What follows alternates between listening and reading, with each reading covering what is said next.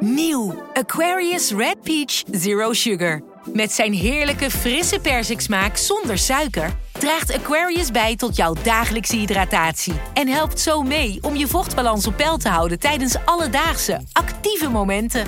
Thuis, op het werk of onderweg. Ook verkrijgbaar in smaken lemon en orange. Probeer hem nu. Bij een juridisch conflict kun je het gevoel krijgen dat je in een rollercoaster bent beland. Je wereld staat op zijn kop en je bent de controle even helemaal kwijt. Dan is het fijn als je bent verzekerd bij ARAG. Daar werken topjuristen en advocaten die je begrijpen. Die een stap extra voor je zetten. En je het gevoel van controle teruggeven.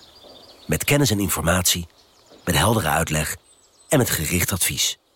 ARAG, juridisch probleemoplossers.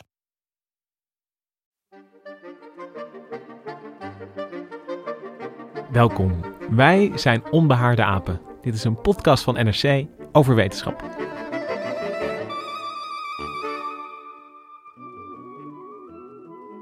De oplettende luisteraar heeft het al gehoord. Dit was een andere begintune, ook voor een ander soort aflevering. Om met die begintune te beginnen, Hendrik, wat hoorden we uh, precies?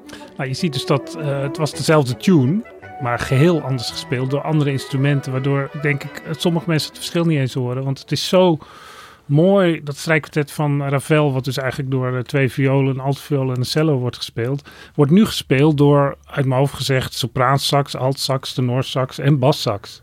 En alsof het ervoor geschreven is. Het geeft een soort uh, mix van, uh, van herkenning en ja, toch, toch weer, het klopt niet helemaal. Maar dat is Ja, wel een prettig gevoel eigenlijk. Vakantiegevoel. We hebben het ook wel eens op een marimba laten spelen. Ja, dat klopt.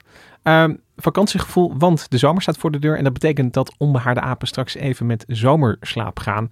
Maar we willen jullie luisteraars niet zonder wetenschap de zomer insturen. En daarom hebben we dit bedacht. En er verschuiven verschillende wetenschapsredacteuren aan. En eh, die geven een, eh, een tip voor iets wat je kan gaan doen. Iets dat je kan gaan luisteren of iets dat je kan gaan lezen.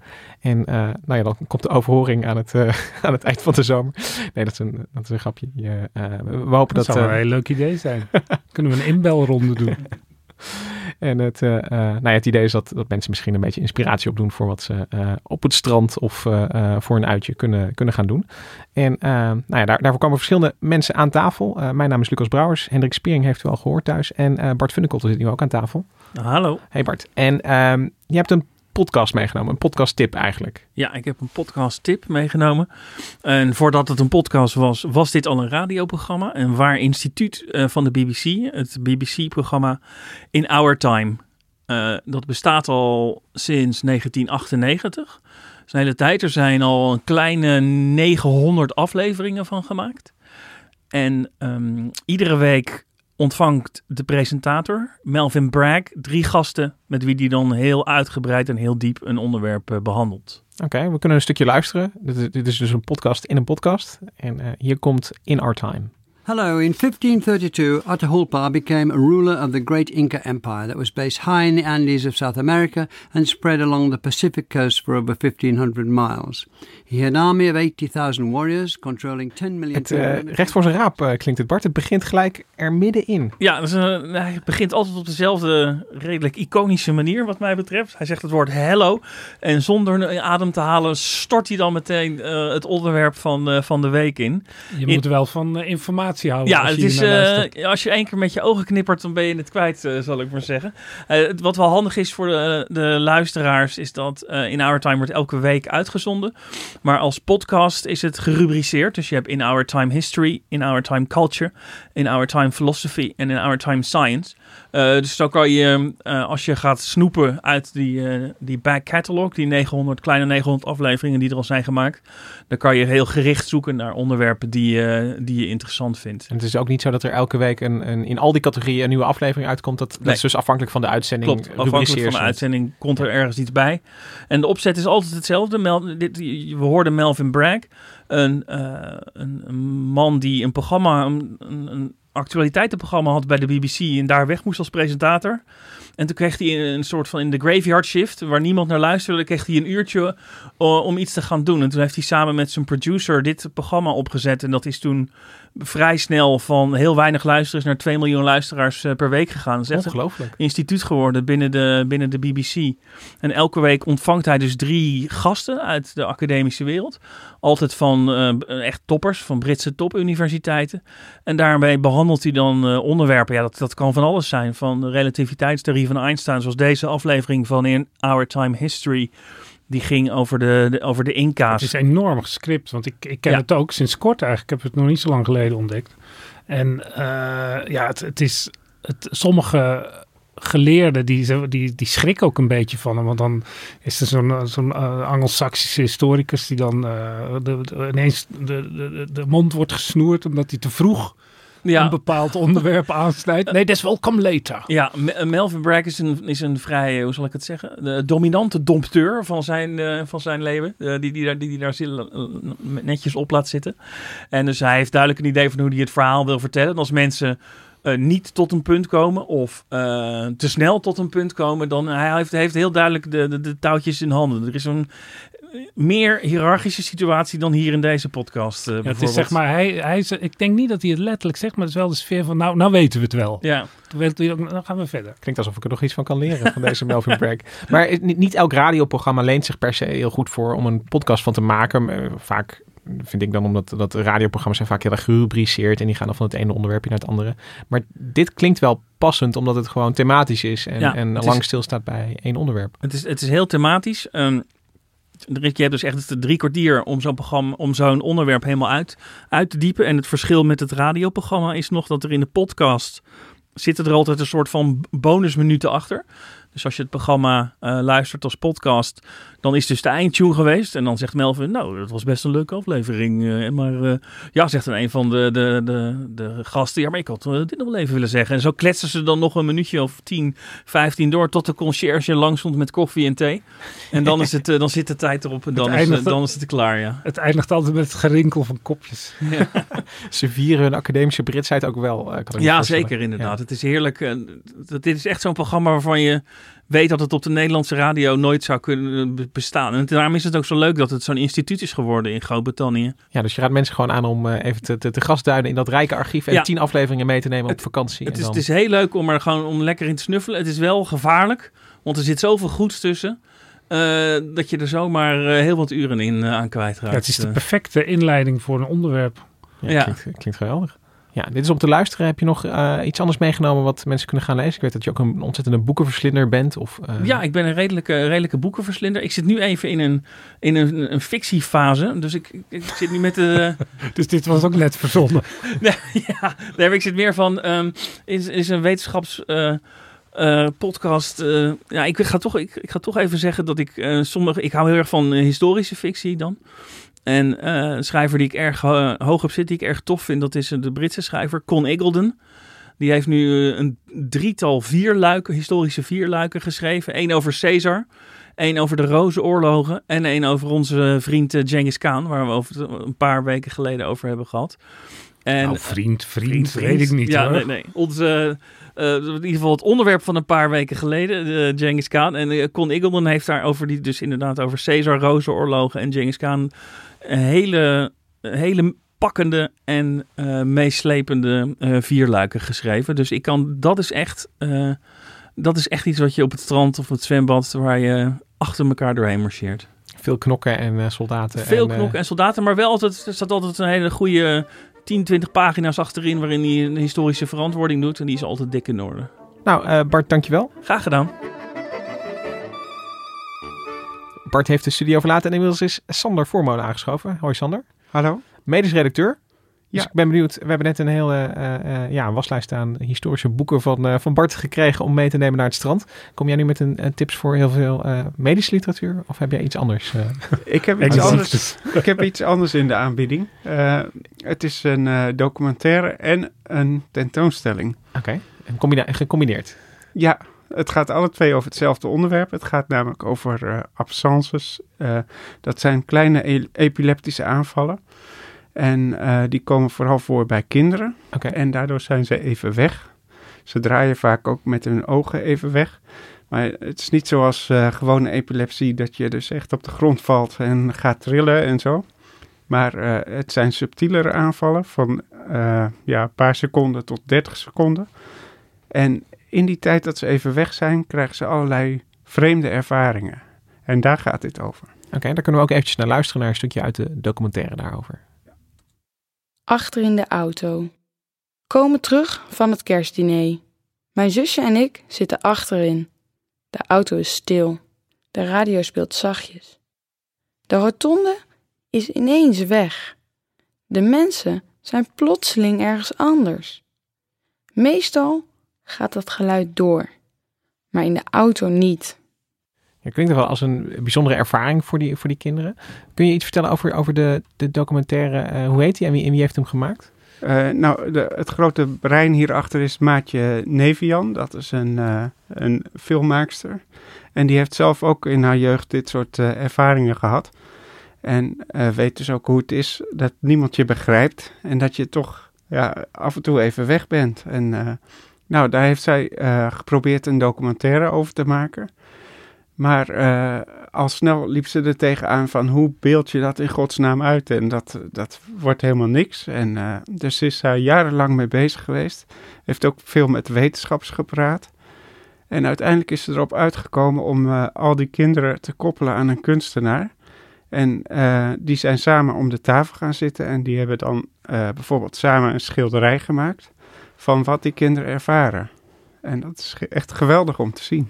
En eh, is het zo dat die uh, kinderen, um, ja, die, die zijn dus dan, dan even weg en het, het is een, een, een, kleine epileptische aanval, uh, zeg je eigenlijk? Ja. Dus dat, van epileptische aanval weet ik altijd een soort kortsluiting in het, in het brein. Dus ja, de, de, dat kun je ook op de EEG zien. Als je, dat, als je iemand al die elektrodes op zijn hoofd plakt, dan zie je dat die kinderen soms wel eh, honderd keer per dag uh, iets. Honderd keer? Ja, dan gebeurt er iets in, de, in hun hersenen. En dan die absences, die zijn dan. als het echt zo. Ja, ja. ja, dat zijn de pieken daarvan. Maar dat is echt tientallen keren per dag. Ja. En hoe lang duurt zo'n absence dan? Dat kan een, een, een ja, seconde, paar seconden een paar of, of 30 seconden zelfs. Ja. Maar het is dan niet dat ze, om even de, voor de duidelijkheid, dat ze dan met, uh, zoals de klassieke epilepsieaanval, dat ze met hun handen slaand uh, nee. schuim, schuim op de lip nee. op de grond liggen. Je nee. ziet er niks aan. Eigenlijk. Nee, nou ja, uh, je ziet soms wel eens een kind dat aan het schrijven is, dat hij dan uh, halverwege de zin stopt en dan uh, het lijntje doortrekt, zeg maar. En even met zijn ogen wegdraait. Nou ja, in de klas wordt dat natuurlijk nooit begrepen. Dus dan krijgt zo'n kind op zijn donder. Maar die begrijpt het zelf ook niet. Die begrijpt het zelf ook niet, nee. Nee, een van die jongens uh, die beschrijft het ook alsof, alsof er stukjes uit zijn eigen film worden gestolen. En dat elke dag. Dus hij, hij baalt er behoorlijk van. ja. en, en is het iets waar je dan, dan uh, overheen groeit? Want, want je vertelt nu dat het vooral... Uh, ja, de, de, ja, in de meeste gevallen wel. Okay. Ja. ja. En uh, er zijn ook medicijnen voor. Dus ja, dat neemt het ook weg. Maar die epilepsiemedicijnen zijn altijd wel behoorlijk ingrijpend, geloof ik. Ja, maar dit is een lichte vorm. Dus ja, daar zijn ook lichtere medicijnen voor. Ja.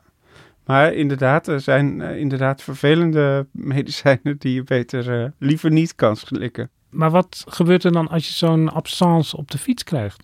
Nou, uh, ze vallen dus nooit om. Dus epilepsie wordt altijd de, de vallende ja. ziekte genoemd. Ja. Maar in dit geval vallen ze dus niet. Dus het is uh, zeg maar wat uh, epilepsie wordt dan de krammal genoemd, maar dit is een petit mal. Maar het is dan bijna, ja, het klinkt een beetje onaardig voor die kinderen, maar je bent dan een soort zombie eigenlijk. Een, een, een lichaam zonder zelfbewustzijn. Ja. Ja, maar en, in hun innerlijke wereld zit er natuurlijk wel een hele beleving. Ja, dat bewustzijn is er nog wel, want het, net zoals we in het fragment hoorden, de, de, iemand was, zat in de auto en die zag de rotonde verdwijnen. En, en, weet ja, maar dus gewoon omdat hij er misschien uh, even dat stukje niet bij was. Ja, nou ja, je ziet... Dus er is iets uitgeknipt. Nou, maar je, uh, ze hebben dus echt een ervaring ook. Uh, soms is dat heel eng. Dan, uh, dan, In plaats van de werkelijkheid, ja, zeg maar. dan zitten ze tv te kijken en dan wordt het ineens donker. En dan hebben ze het gevoel dat er een wolf in de ruimte is. Maar ja, het is nooit echt duidelijk. Het is een soort hallucinatieachtige. Ja, het, het, het brein zoekt wanhopig naar de juiste ja. input natuurlijk dan. Ja, precies. Want het brein staat niet stil. Nee, Alleen nee. de nee, zintuigelijke het is waarneming juist is veel actiever op die, op die momenten, ja. En als mensen deze documentaire willen gaan kijken, kunnen ze dan ergens heen? Draait die in eh Ja, hij in draait in verschillende bioscopen. Hij heet Ik ben er even niet. En ja, hij draait in verschillende plaatsen. Maar ik zou mensen ook echt aanraden om ook naar de tentoonstelling te gaan. Want dan zie je dus echt hoe die kinderen eh, hun kunstwerken hebben gemaakt. Samen met de kunstenaar. En dat is in eh, Amsterdam-Noord op dit moment. En dat is in het eh, Beautiful Distress House. Bij eh, het... eh, aan de, direct aan de pont eigenlijk. Dus je komt het pontje af en dan ga je naar rechts en daar, daar is het al. Een Beautiful Distress House. Dat klinkt alsof je... distress is een soort, een soort onrust, paniek. Is, is Ja. dat ook een... Dat komt dat gevoel ook een beetje over bij jou als je die tentoonstelling ziet? Ja, ja, ook dat. Maar ik, even over Beautiful Distress House. Dat is opgericht eh, om, om via de kunst eh, aandacht te vragen voor eh, psychische ziekten. En, en dit is dus een nieuwe tentoonstelling daar. Ja, want het gekke is, als, als je dus dat allemaal bekijkt, je krijgt dan zo'n virtual reality bril op en zo. Sommige dingen zijn echt wel herkenbaar. Dus het is helemaal niet zo vreemd eigenlijk. Je hebt op de tentoonstelling heb jij een virtual reality bril op gehad. Ja, Om het wordt, te beleven. je wordt helemaal ondergedompeld dan. En da- dan eh, sommige beelden die eh, de de kinderen hebben gemaakt zijn heel abstract. En dan gaat het bijvoorbeeld over een, een, eh, een stip in een witte ruimte. En die krijgt dan langzaam stekels. En die groeit steeds verder over je heen. Nou, dat is een beetje raar ervaring. Klinkt als een nachtmerrie. Ja, ja maar eh, ze vinden het ook zelfs mooi wat ze beleven. Dus sommige ervaringen zijn ook echt wel positief. En andere hebben echt wel een beetje angstdromen van wolven die ze achterna komen en zo. Ik had er echt no- nog nooit van gehoord, weet je wel, van, van je, dat dat überhaupt gebeurt. Dat, is het een, een tentoonstelling, want hij gaat over kinderen, maar, is- maar is, hij, eh, is, het, is het te eng voor kinderen zelf om te blijven? Of denk je dat ze dat ook wel... eh, Eh, ze moeten wel wat ouder zijn, ja. ja, Ja, Ouder dan? 12. Ah, Ja. ja ik, ik denk dat met die, zeker met je virtual reality-achtige technieken kun je wel heel, heel mooi dit soort ja, er- ervaringen die, die, die nauwelijks te, te omschrijven zijn. Al deed je het net heel Ja. erg goed. Eh, eh, om, om dat echt iemand te laten beleven. Want Ja, dat zegt ehm, eh, Maartje Neven-Jan ook van. eh, dit is de mogelijkheid, eh, dit is ook eh, de tijd waar we in, waarin we leven, dat we dus dit soort dingen kunnen doen met de kunst. Want het is natuurlijk altijd wel geprobeerd in de kunst om, eh, om dus eh, psychiatrische ziekten uit te beelden. Ja, Dus eh, ik ben er even niet. En deze zomer te zien in Amsterdam en eh, de documentaire in verschillende bioscopen. ja de documentaire heet eh, Ik ben er even niet, maar de, de tentoonstelling heet Mapping the Experience. In het Beautiful Distress House Ja. in Amsterdam. Oké, dankjewel. Eh, dan gaan we nu denk ik even luisteren naar Gemma. Want Gemma is, ja, die is al op vakantie. Die is, in, eh, die is er even niet, eh, zegt eh, producer Misha. Eh, maar ze heeft nou, wel... even. Ik heb er al een week niet gezien. ja, twee weken. Nee, is van een welverdiende eh, vakantie aan het genieten. Maar ze heeft wel aan ons gedacht. Want, eh, eh, en aan de luisteraar. Want ze heeft tips meegenomen en ingesproken. Ja, hoi, Gemma hier. Ik dacht, als Lucas een bericht kan opnemen vanaf Corsica, dan kan ik het ook wel vanuit de Zwitserse bergen. Ik zit hier op 2000 meter hoogte bij een mooie bergbeek. Ik weet niet of jullie hem horen op de achtergrond. En het is echt bloedheet, maar gelukkig is hier nog een klein beetje schaduw. En eh, ik ben aan het eh, kamperen met mijn tent. Heel mooi. Ik was vannacht had ik een plekje helemaal in mijn eentje bij een bergmeertje met een waterval. En eh, nu ben ik op naar het volgende meer met een hele zware backpack op mijn rug. En die backpack die is ja, onder andere zo zwaar omdat ik natuurlijk weer veel te veel boeken mee heb genomen. Maar ik dacht, die kan ik dan mooi met jullie delen. Of in ieder geval de titels ervan. Ehm, ja, ik, ik ben nu dus helemaal in de, de berg- en wildernisstemming. En ik heb onder andere eh, Robert McFarlane mee, The Wild Places. En dat is een supermooi boek over wildernis. Waar vind je nog wildernis? Het gaat bij hem vooral over Engeland, maar je kunt het ook, ja, je zou het ook over Nederland kunnen schrijven of hier over Zwitserland. En het is een mengeling van eh, aardwetenschappen, biologie, geschiedenis, filosofie. En hij heeft meer boeken geschreven. Mountains of the Mind over berg is ook heel erg mooi. En eh, hij heeft nu een nieuwe Underland. En dat gaat juist heel erg over de, de onderwereld, over grotten en zo. En nou, daar verlang ik nu ook wel naar in, eh, deze bloedhitte. Eh, oh ja, ook nog omdat ik mezelf nu toch wel een beetje een stoere vrouw vind. Ehm, ik heb ook een boek mee, Darwin's Engelen. Dat gaat over allemaal vrouwen die eh, Darwin inspireerden. En eh, het is een beetje zelfpropaganda, want ik heb er ook een hoofdstuk in geschreven eh, over Marianne Noord, een botanicus.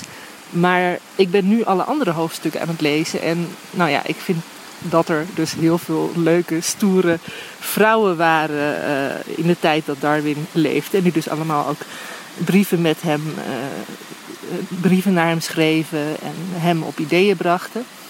Ehm, oh ja, dan zou ik ook nog een doetip doen. Nou, ga allemaal hier naar de Zwitserse bergen, zou ik zeggen. Maar als dat even wat te ver is. Ik was laatst, voordat ik ging, nog op Texel. En daar heb je deze zomer een hele mooie kunstfietsroute. Dus een, een, een kunst gecombineerd met wetenschap. Ehm, nou ja, ik was vorig jaar mee met die eh, Pelagia, eh, eh, met een onderzoeksschip, hè, de Nico-expeditie. En eh, onder andere ook eh, op basis van die expeditie zijn wat kunstwerken te zien eh, over koraal. Ehm, er zijn kunstwerken gemaakt uit zeewier, algen. En ehm, is geloof ik nog de hele zomer. Maar goed, ik word nu bijna bevangen door de hitte. Dus ik ga gauw verder lopen en op zoek naar een cool kampeerplekje in de schaduw. Ik wens jullie nog een hele fijne zomer. Dag!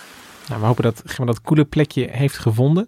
De tentoonstelling noem, die ze noemde, die, eh, dat is Sea Art. En eh, dat is te zien eh, op Texel. En twee mooie boekentips van Robert McFarlane en Darwin's Engelen. Ze raken wel een beetje aan, eh, aan mijn tip, eh, eh, Hendrik. Ik zie wel een bruggetje. Mag ik dat bruggetje nemen? Ja. Ja, nou, ik, hoe gekker hoe beter. nou ja, het, het is niet zo. eh, er, er komt namelijk ook een vrouw uit Darwin's tijd in voor, uiteindelijk in mijn tip. Ehm, maar ik zou echt mensen willen aanraden om eh, gewoon naar een natuurhistorisch museum te gaan. Want we hebben er in Nederland echt eh, eh, heel veel mooie. Eh, in Tilburg, het eh, Natuurmuseum Brabant, in Friesland, in Maastricht, in Rotterdam, in En- Haarlem. En de Koning eh, Naturalis, is die wel weer open? Nee, die is nog niet open. Die gaat pas in eh, september open. Dus dat is, een, eh, ja, dat is het grootste natuurhistorisch museum. En Maar dat is dus Met- de kans om naar al die kleintjes te gaan. Precies. Ik Ja. zou zeggen van eh, aandacht voor, eh, voor al die anderen. Eh, ehm, er, zijn er, er zijn er twaalf in totaal in Nederland in ieder geval die zich hebben aangesloten bij de eentje- Stichting Natuurhistorische Musea. Ja. Dan is er eentje, Lucas, die je bijzonder kunt aanbevelen. Nou, maar dat is gewoon omdat ik in de omgeving ben opgegroeid. Maar het Natuurhistorisch Museum in Tilburg, het eh, Natuurmuseum Brabant, vind ik, dat heeft wel echt een warm plekje in mijn hart. Want die hebben ook een dino. Of Nee, die hebben geen dino. Oh. Nee, nee, nee. Zeker bij die kleinere musea, dan gaat het vaak wat, toch wat meer over lokale natuur en, en wat er allemaal te zien is. Maar mijn, eh, eh, in het buitenland zijn ook prachtige... Ik, ik, ik maak er altijd een sport van om een als we dan naar een stad gaan, om, om daar dan het Natuurhistorisch Museum te vinden. Of, of om naar een stad te gaan met een Natuurhistorisch Museum. En eh, er, staat een hele mooie in Parijs, eh, een hele klassieke. Ja. Eh, Bolzano heeft een hele le- leuke met, met Utsi erin. En, Maar die gaat eigenlijk alleen maar over Utsi. ja, maar ze hebben er nog eentje. als je drie straten verder Oh. gaat, hebben ze nog een. en Die staat vol met mineralen. Oké. Allemaal Dus die, Tirolse mineralen. ja, dus dan kun je er twee in één keer doen. Berlijn heeft het museum voor vuur natuurkunde. dat is ook echt prachtig. Maar mijn lievelingsmuseum staat in Londen. Dat is het eh, Natural History Museum in eh, Londen. Gratis eh, toegang, zoals ja, bijna alle museum in, musea in Londen. Het British Museum is ook, eh, ook gratis daar. En het is altijd eh, lekker cool. En eh, het, Dat is wel de beste aanbeveling ja. voor een museum. Ja, maar het is- voor Gemma ook. Ja, maar het is echt een prachtig eh, groot gebouw en, en, en groots, groot, grote ruimtes. Je hebt al zo'n grote centrale hal waar eerst een langnek dino eh, stond en nu een Hoe- blauwe vinvis hangt. Hoe loop jij door zo'n natuurhistorisch museum? Want ik, ik ben, eh, vroeger was ik heel ijverig, dan ging ik het systematisch doen, maar nu ben ik een zwerver geworden in dat soort Ja. musea. Ik denk nou, ik kijk wel en dan loop je zo om. Tenzij er één dingetje is wat je per se wil zien. Zwerven is echt ver de beste tactiek. Ik had, eh, wat ik heel erg moeilijk vond eh, om te leren, was, was precies hetzelfde. Je, je, je dacht, je gaat naar een museum en dan moet je alles... Die begint vooraan. Ja, je moet alles, Alles gezien hebben. lezen. Ja, dat lukt je niet. Dat eh, lukt daar. nooit. Nee. Nee. Nee, je raakt ook je hele gezelschap kwijt op een Ja. gegeven moment. En ik, ik weet ook nog precies waar, Je kunt wanneer best deze, alleen gaan. waar deze strategie eh, niet meer lukt. En dat was de, de tentoonstelling van Nefertiti, denk ik, in eh, Berlijn. Daar, daar wilde ik per se alles. En, en mijn ouders waren echt, die waren al aan het einde. Maar ik, ik, ik, ik wilde per se alle bordjes lezen, maar dat, dat, dat gaat gewoon niet. Dus je kunt inderdaad het beste gewoon een ruimte ingaan en, en, en kijken wat ze je te vertellen hebben. Uh, de tip aan de luisteraar is om later dit jaar, want ze hebben pas in januari weer plek, om een keertje een nachtje te overnachten in het Natural History Museum in Londen. Ja, ik heb dat één keertje mogen doen voor de krant. En dat uh, vond ik echt uh, geweldig. Dan mag je dus je slaapzak meenemen en uh, je pyjama. En dan mag je een plekje uitkiezen in het museum. Het is een onvergetelijke ervaring. Pick a mattress, set up camp and snuggle in. Whatever you do though, don't wake the dinosaurs. An unusual twist on a night at the museum, London's Natural History Museum has decided to open its doors for an adult sleepover. 120 people have paid almost $300 to spend a night sleeping among the prehistoric fossils. It is exactly what I dreamt about, so it's perfect. It's all part of efforts by the museum to raise extra funds for scientific research and, of course, bring new people through the door. The general public came up with the idea. Every time we advertised the children's sleepover, which has been running for four years, we would get tweets and emails and phone calls from people who wanted to come without any children. Maar heb je nog geslapen eigenlijk? Nee, ik heb dus niet geslapen, want ze hebben dus ook een heel nachtprogramma met... Uh, uh, er is één zaaltje waar dan de hele nacht nog uh, films draaien. En ze hebben heel veel lezingen en een insectenproeverij om half één s'nachts. Oh. Dus, dus kleden het ook echt helemaal aan. Het is niet dat ze je gewoon Keiharde loslaten muziek. in het, in het museum. En uh, het grappige van, van het Natural History Museum, dat blijft ook zo lang hetzelfde. Er verandert zo weinig dat ik ook uh, wel... Een dus ze hebben het volgens mij aan het zijn ze het aan het omgooien. Ja, een beetje wel. Nou ja, ik was die, er laatst, dat schiet me ineens te binnen. Toen, toen ik... Uh, ja, die dino is, is dus uit de centrale hal, die is vervangen door een vinvis. Maar wat gelukkig nog hetzelfde is gebleven, is als je dan naar een gang naar rechts gaat, dan, dan, krijg je een hele muur vol met fossielen van ichthyosauriërs. En dat waren ja, een soort prehistorische hagedisvissen. Beetje zoals uh, dolfijnen uh, eigenlijk, of dolfijnen gewoon zoogdieren zijn, waren ichthyosaurussen, waren ja, een soort hagedissen die, die, die konden zwemmen. En die hangen daar aan een muur en die zijn dan door Mary Anning, een van die vrouwen uit Darwin's tijd, zijn die daar verzameld. En dat is op dit moment denk ik mijn favoriete object in het Natural History Museum in Londen. Nou, prachtig Lucas. Ja, ja dankjewel. en wat heb jij Hendrik? ik ben nog heel benieuwd wat, uh, wat, wat, jij hebt, Hendrik. Want we hebben al uh, we hebben dan een podcast gehad, een tentoonstelling, een museum, een, uh, heel veel mooie boekentips. Ja, ik, ik, het, misschien, ik, ik, het, ik heb een bloedserieus boek. Een bloedserieus, ja. Er moet ook wel een wat... bloedserieus boek. De zomer kan ook gewoon gestudeerd worden. Wat, dat is niks mis mee. Uh, is dat ik, het boek dat daar ligt? Ja, een dik boek. Met al die geeltjes erin? Ja, want ik dacht als jullie allemaal vragen gaan stellen, dan ga ik ze gelijk, uh, ga ik het gelijk opzoeken.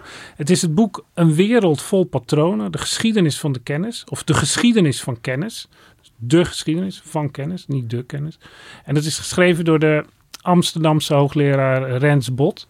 En dat is een hele bijzondere man. Hij heeft uh, een paar jaar geleden al een, uh, een vergelijkbaar boek geschreven. Dat gaat heel specifiek over uh, de kracht van geesteswetenschap. Want geschiedenis van de kennis gaat altijd over beta-wetenschap, of heel vaak. Zeker in de populairdere literatuur. Maar hij is met een offensief bezig en een wetenschappelijk zeer onderbouwd offensief om uh, de humanities, uh, dus de, geesteswetenschap, geschiedenis, rechtsgeleerdheid en zo, om die als zeg maar een soort basismachines van menselijke kennis te, uh, te promoten. En dat vorige boek is in de tijd prachtig aanbevolen door Marita Matthijssen, een bekende hoogleraar Nederlandse letterkunde. Dit is het boek van Rens Bot, De Vergeten Wetenschappen. En dat is een boek dat uit ergernis geschreven is. Hier is een kwade historicus aan het woord. En waarom is Rensbot kwaad? Omdat hij vindt dat de exacte wetenschappen altijd zo'n pluim op hun hoed krijgen, terwijl de geesteswetenschappen ook zo belangrijk geweest zijn voor de veranderingen, de goede veranderingen in de maatschappij. En hij toont in dit boek aan, bijvoorbeeld, dat de computerkunde, de computerwetenschappen, ge ontstaan zijn vanuit de taalwetenschappen. Hij toont aan dat genetisch medisch onderzoek dat dat voortkomt uit onderzoek naar taalfamilies. En zo laat hij zien dat de geesteswetenschappen in de maatschappij voor een grote verandering gezorgd hebben. Dit is echt een boek als een bouwwerk, als een kathedraal.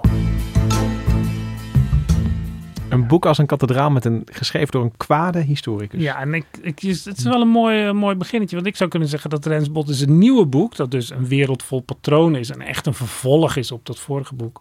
Een beetje tot rust is gekomen. Omdat hij nu zoals zo kwaad wordt eh, gezien. Dat is ook wel een beetje zijn drive. Maar het is verder een, een uiterst kalm boek.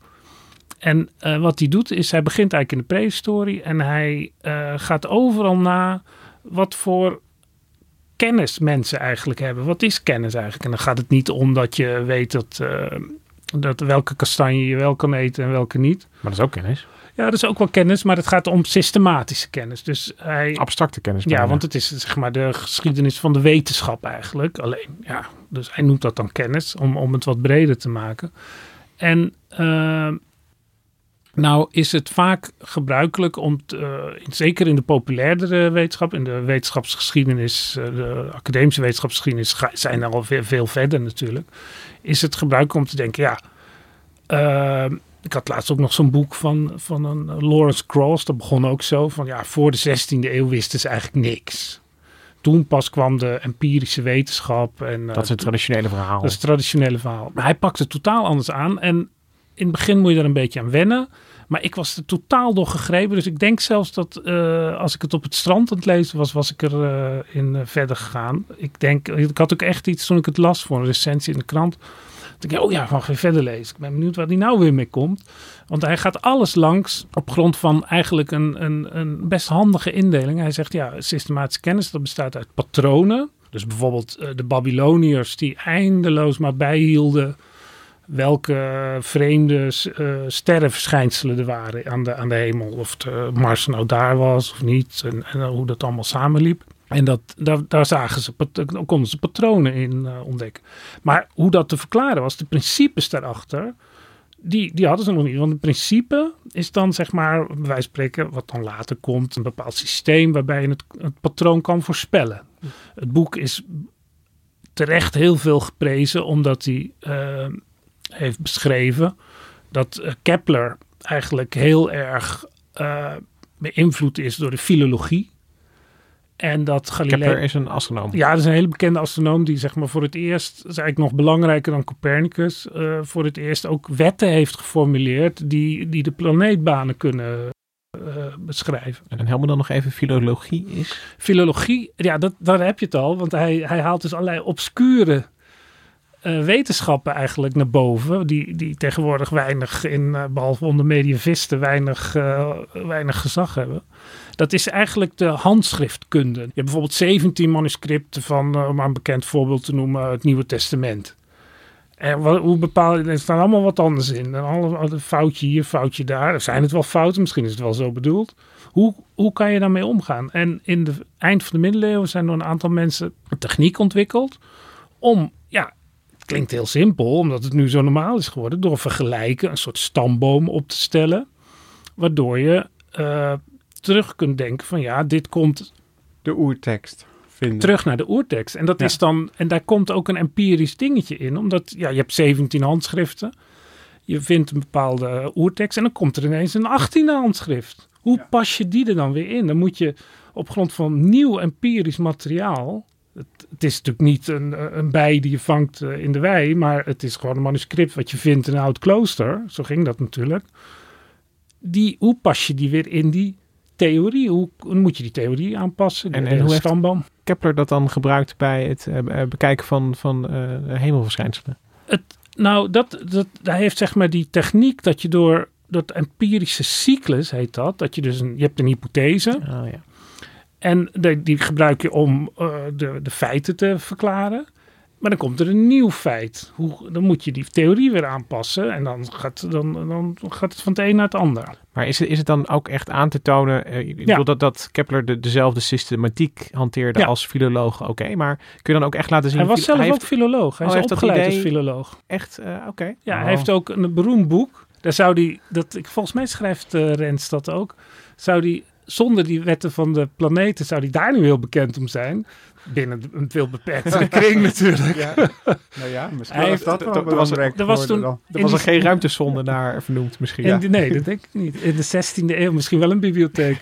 In de 16e eeuw, dan moet ik het even uit mijn hoofd goed zeggen, was een hele discussie over hoe oud de, hoe, hoe, hoe je de, de, de geschiedenis kan reconstrueren op grond van de informatie in de Bijbel. Dat is ook een soort empirisch, niet zo empirisch als dat je zou willen, maar kunt hoe pas je dat in en hoe oud is de.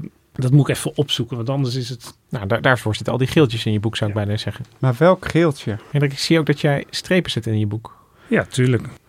Ja, Daar zijn de meningen over verdeeld. Over of Nee, dat mijn, is. Ja, mijn, mijn mening is daar niet over verdeeld. ik vind dat heel erg zonde. Maar goed, Heb je het met pen of potlood gedaan? potlood Nee, potlood, in dit geval. Waar Kepler zichzelf mee bemoeid heeft, dat is eh, een kwestie die in de 16e eeuw eh, vrij belangrijk was. En ook eh, in, die, in die hele geschiedenis van de wetenschap ook heel belangrijk. Dat is de chronologie. Het vaststellen van de juiste volgorde van de gebeurtenissen in de tijd. En hoe bijvoorbeeld allerlei Egyptische farao's die dan wel een beetje bekend waren. Waar paste Ja. die dan in? Want er waren ook wel Griekse bronnen over. Ze konden natuurlijk nog geen hieroglyphen lezen. Je krijgt er op een gegeven moment een, een, een besef van, van geschiedenis. En van de, er hebben echt al heel veel mensen hiervoor eh, geleefd. En die wil je natuurlijk een beetje, een beetje ordenen als je Ja, erachter komt. en in, in eh, Leiden, volgens mij heeft eh, Kepler daar ook mee samengewerkt voordat hij astronoom werd. Er zit Scaliger, dat is een, een Jozef Justus Scaliger, een van de grootste geleerden van zijn tijd, wordt hij altijd genoemd. En die zit dan te puzzelen en die komt er dan bijvoorbeeld achter dat eh, de, de oudste Egyptische eh, dynastie ouder is dan de, eh, dan de schepping. Er werd altijd zo'n beetje op 2000 voor Christus gezet. Usher had daar een berekening Ja, van dat gemaakt. maar die staat na. bisschop. Die Oh ja. is daarna. Oh ja. Dat is uit, dat is uit, het, eh, uit 1634 volgens mij. Ja. Maar goed, we dwalen af. We dwalen een beetje af. Dit is dus echt heel leuk. Maar, Maar, ik- maar, maar hij, hij laat dus even, even om, om te zien wat Bot dus doet, is, is die, die, eh, die laat zien dat, dat die beta-wetenschappen die we vaak op een beetje op een voetstuk eh, zetten, als van, van eh, kijk eens hoe exact en empirisch en precies. Nou, we moeten het anders zeggen. Hij, hij, hij, hij, hij laat zien dat die redenen waarom die beta-wetenschappen zo goed zijn, dat die afkomstig zijn uit alfa-wetenschappen. Dus die, die, die empirische cyclus, die is natuurlijk fenomenaal. Maar die is dus niet ont, die is ontwikkeld in de middeleeuwen. Maar, maar is het zo, ik, ik bedoel, het is, het is eh, ik, ik bedoel, het komt ook een beetje voor een, een verrassing voor, voor mij dat, dat, eh, dat die alfa-wetenschappen daar zo belangrijk in, in zijn geweest. En het, het is een mooi idee, maar waarom moeten mensen dit boek nou in hun vakantiekoffer stoppen? Omdat het hun kijk op de geschiedenis van de wetenschap echt verandert. Voor de lezer thuis die het eh, boek heeft meegenomen. Als ik dan, eh, als jullie mij toestaan, nog een, met een klein microtipje eindig. Omdat ik, eh, eh, ik moest er zelf heel erg om glimlachen.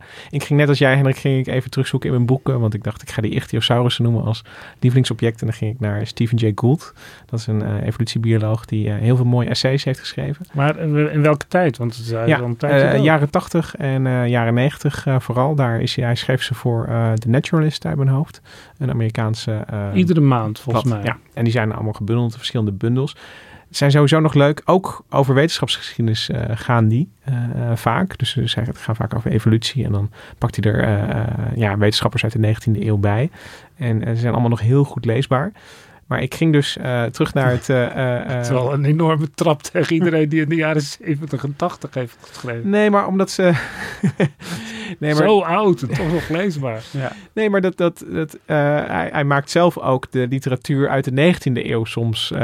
weet je, daar, heeft hij ook opmerkingen over. Weet je, dat ze toen nog schreven van dat paleontologen eh, die, die met droge ogen opschreven dat ze iets hadden bevrijd uit, eh, uit de vaste Oh. aarde. Weet je, met, Oh, een beetje archaïs kan zijn. En dat, dat heb je soms met teksten uit de jaren eh, 70 of 80 ook nog.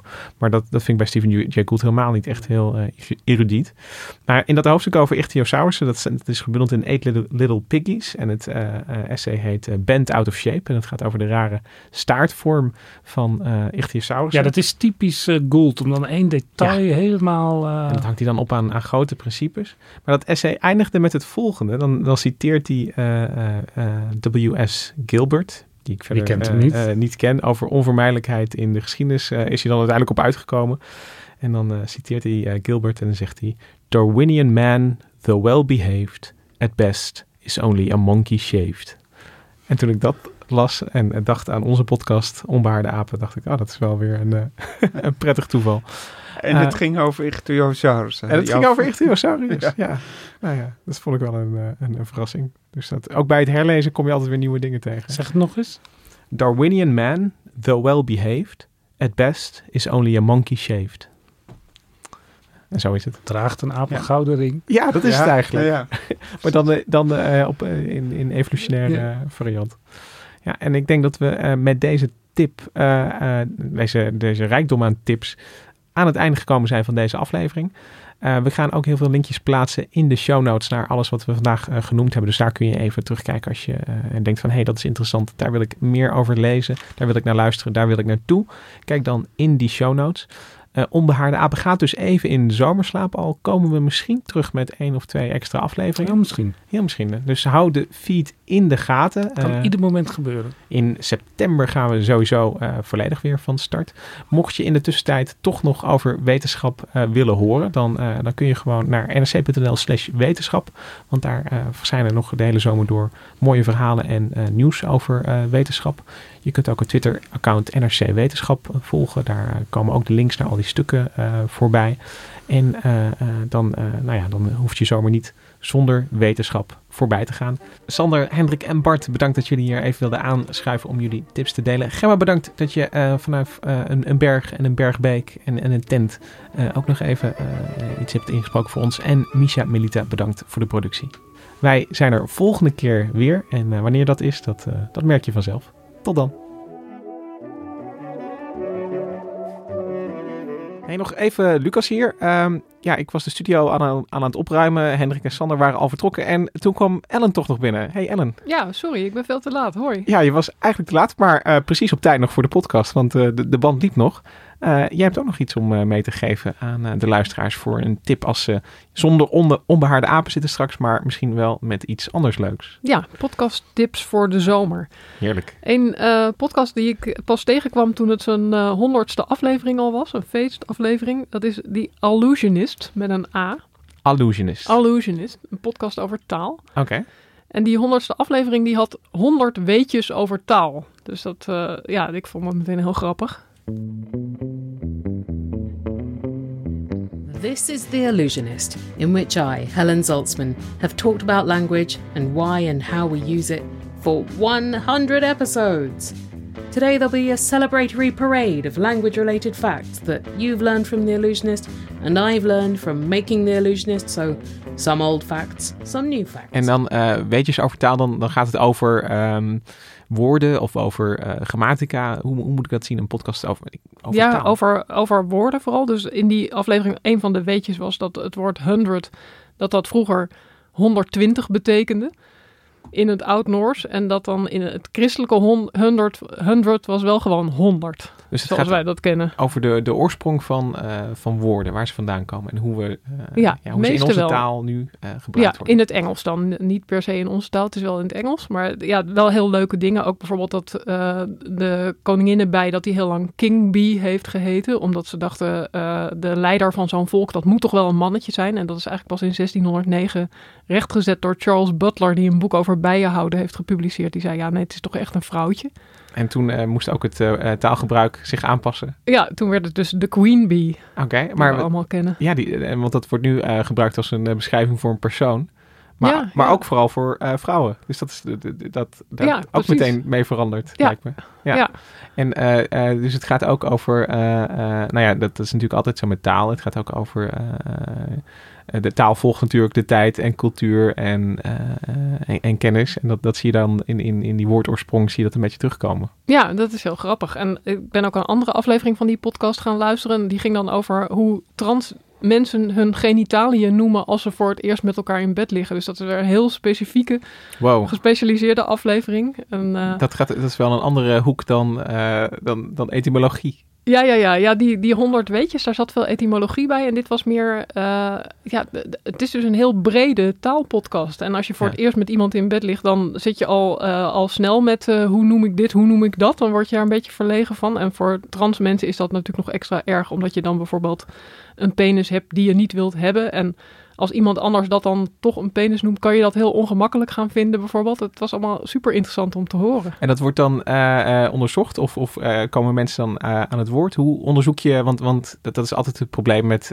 met de slaapkamer, is, is dat het heel moeilijk is om, om daar ja, informatie over te krijgen. Ja, nee, Dus- dit waren dus mensen die daar zelf over vertelden van zo wil ik dat het genoemd wordt. Of er was bijvoorbeeld iemand met een clitoris die zei, ja, als ik bij de dokter kom, dan heb ik het altijd over the clit en niet over my clit, want dan komt het te dichtbij. Dus dat wil ik, wil het eigenlijk niet, het moet eigenlijk niet van mij zijn. Ja. Dat is, Ja, bijzonder inkijkje dat je dat, Ja, eh, super eh, interessant. eh, eh, dat je even mee mag luisteren dan met, met hoe mensen daarover praten. Ja. En, en de illusionist, dat toch even, waar, waar komt dat dan vandaan? Want het, het, het woord illusionist klinkt natuurlijk wel als iemand die ja, goochelt. En, een en- illusionist, ja. En dit is een, ja, eh, to allude is eh, zinspelen op. Dus dit is, Oh, ja. eh, neem ik aan, gewoon een woordspeling. Ja, en dan is het een. eh, eh, elke podcast gaat over taal, de Engelse taal. Dus je moet wel, De een, Engelse eh, taal, Je ja. moet wel een beetje van, eh, eh, van het Engels weten en, en eh, dat kunnen, kunnen verstaan. Maar dan, dan is het dus een soort. eh, elke, elke week weer iets anders eh, eh, uit een gekke hoek eh, eh, Ja. van de taal Ja, kunnen. precies. Klinkt leuk. Ja.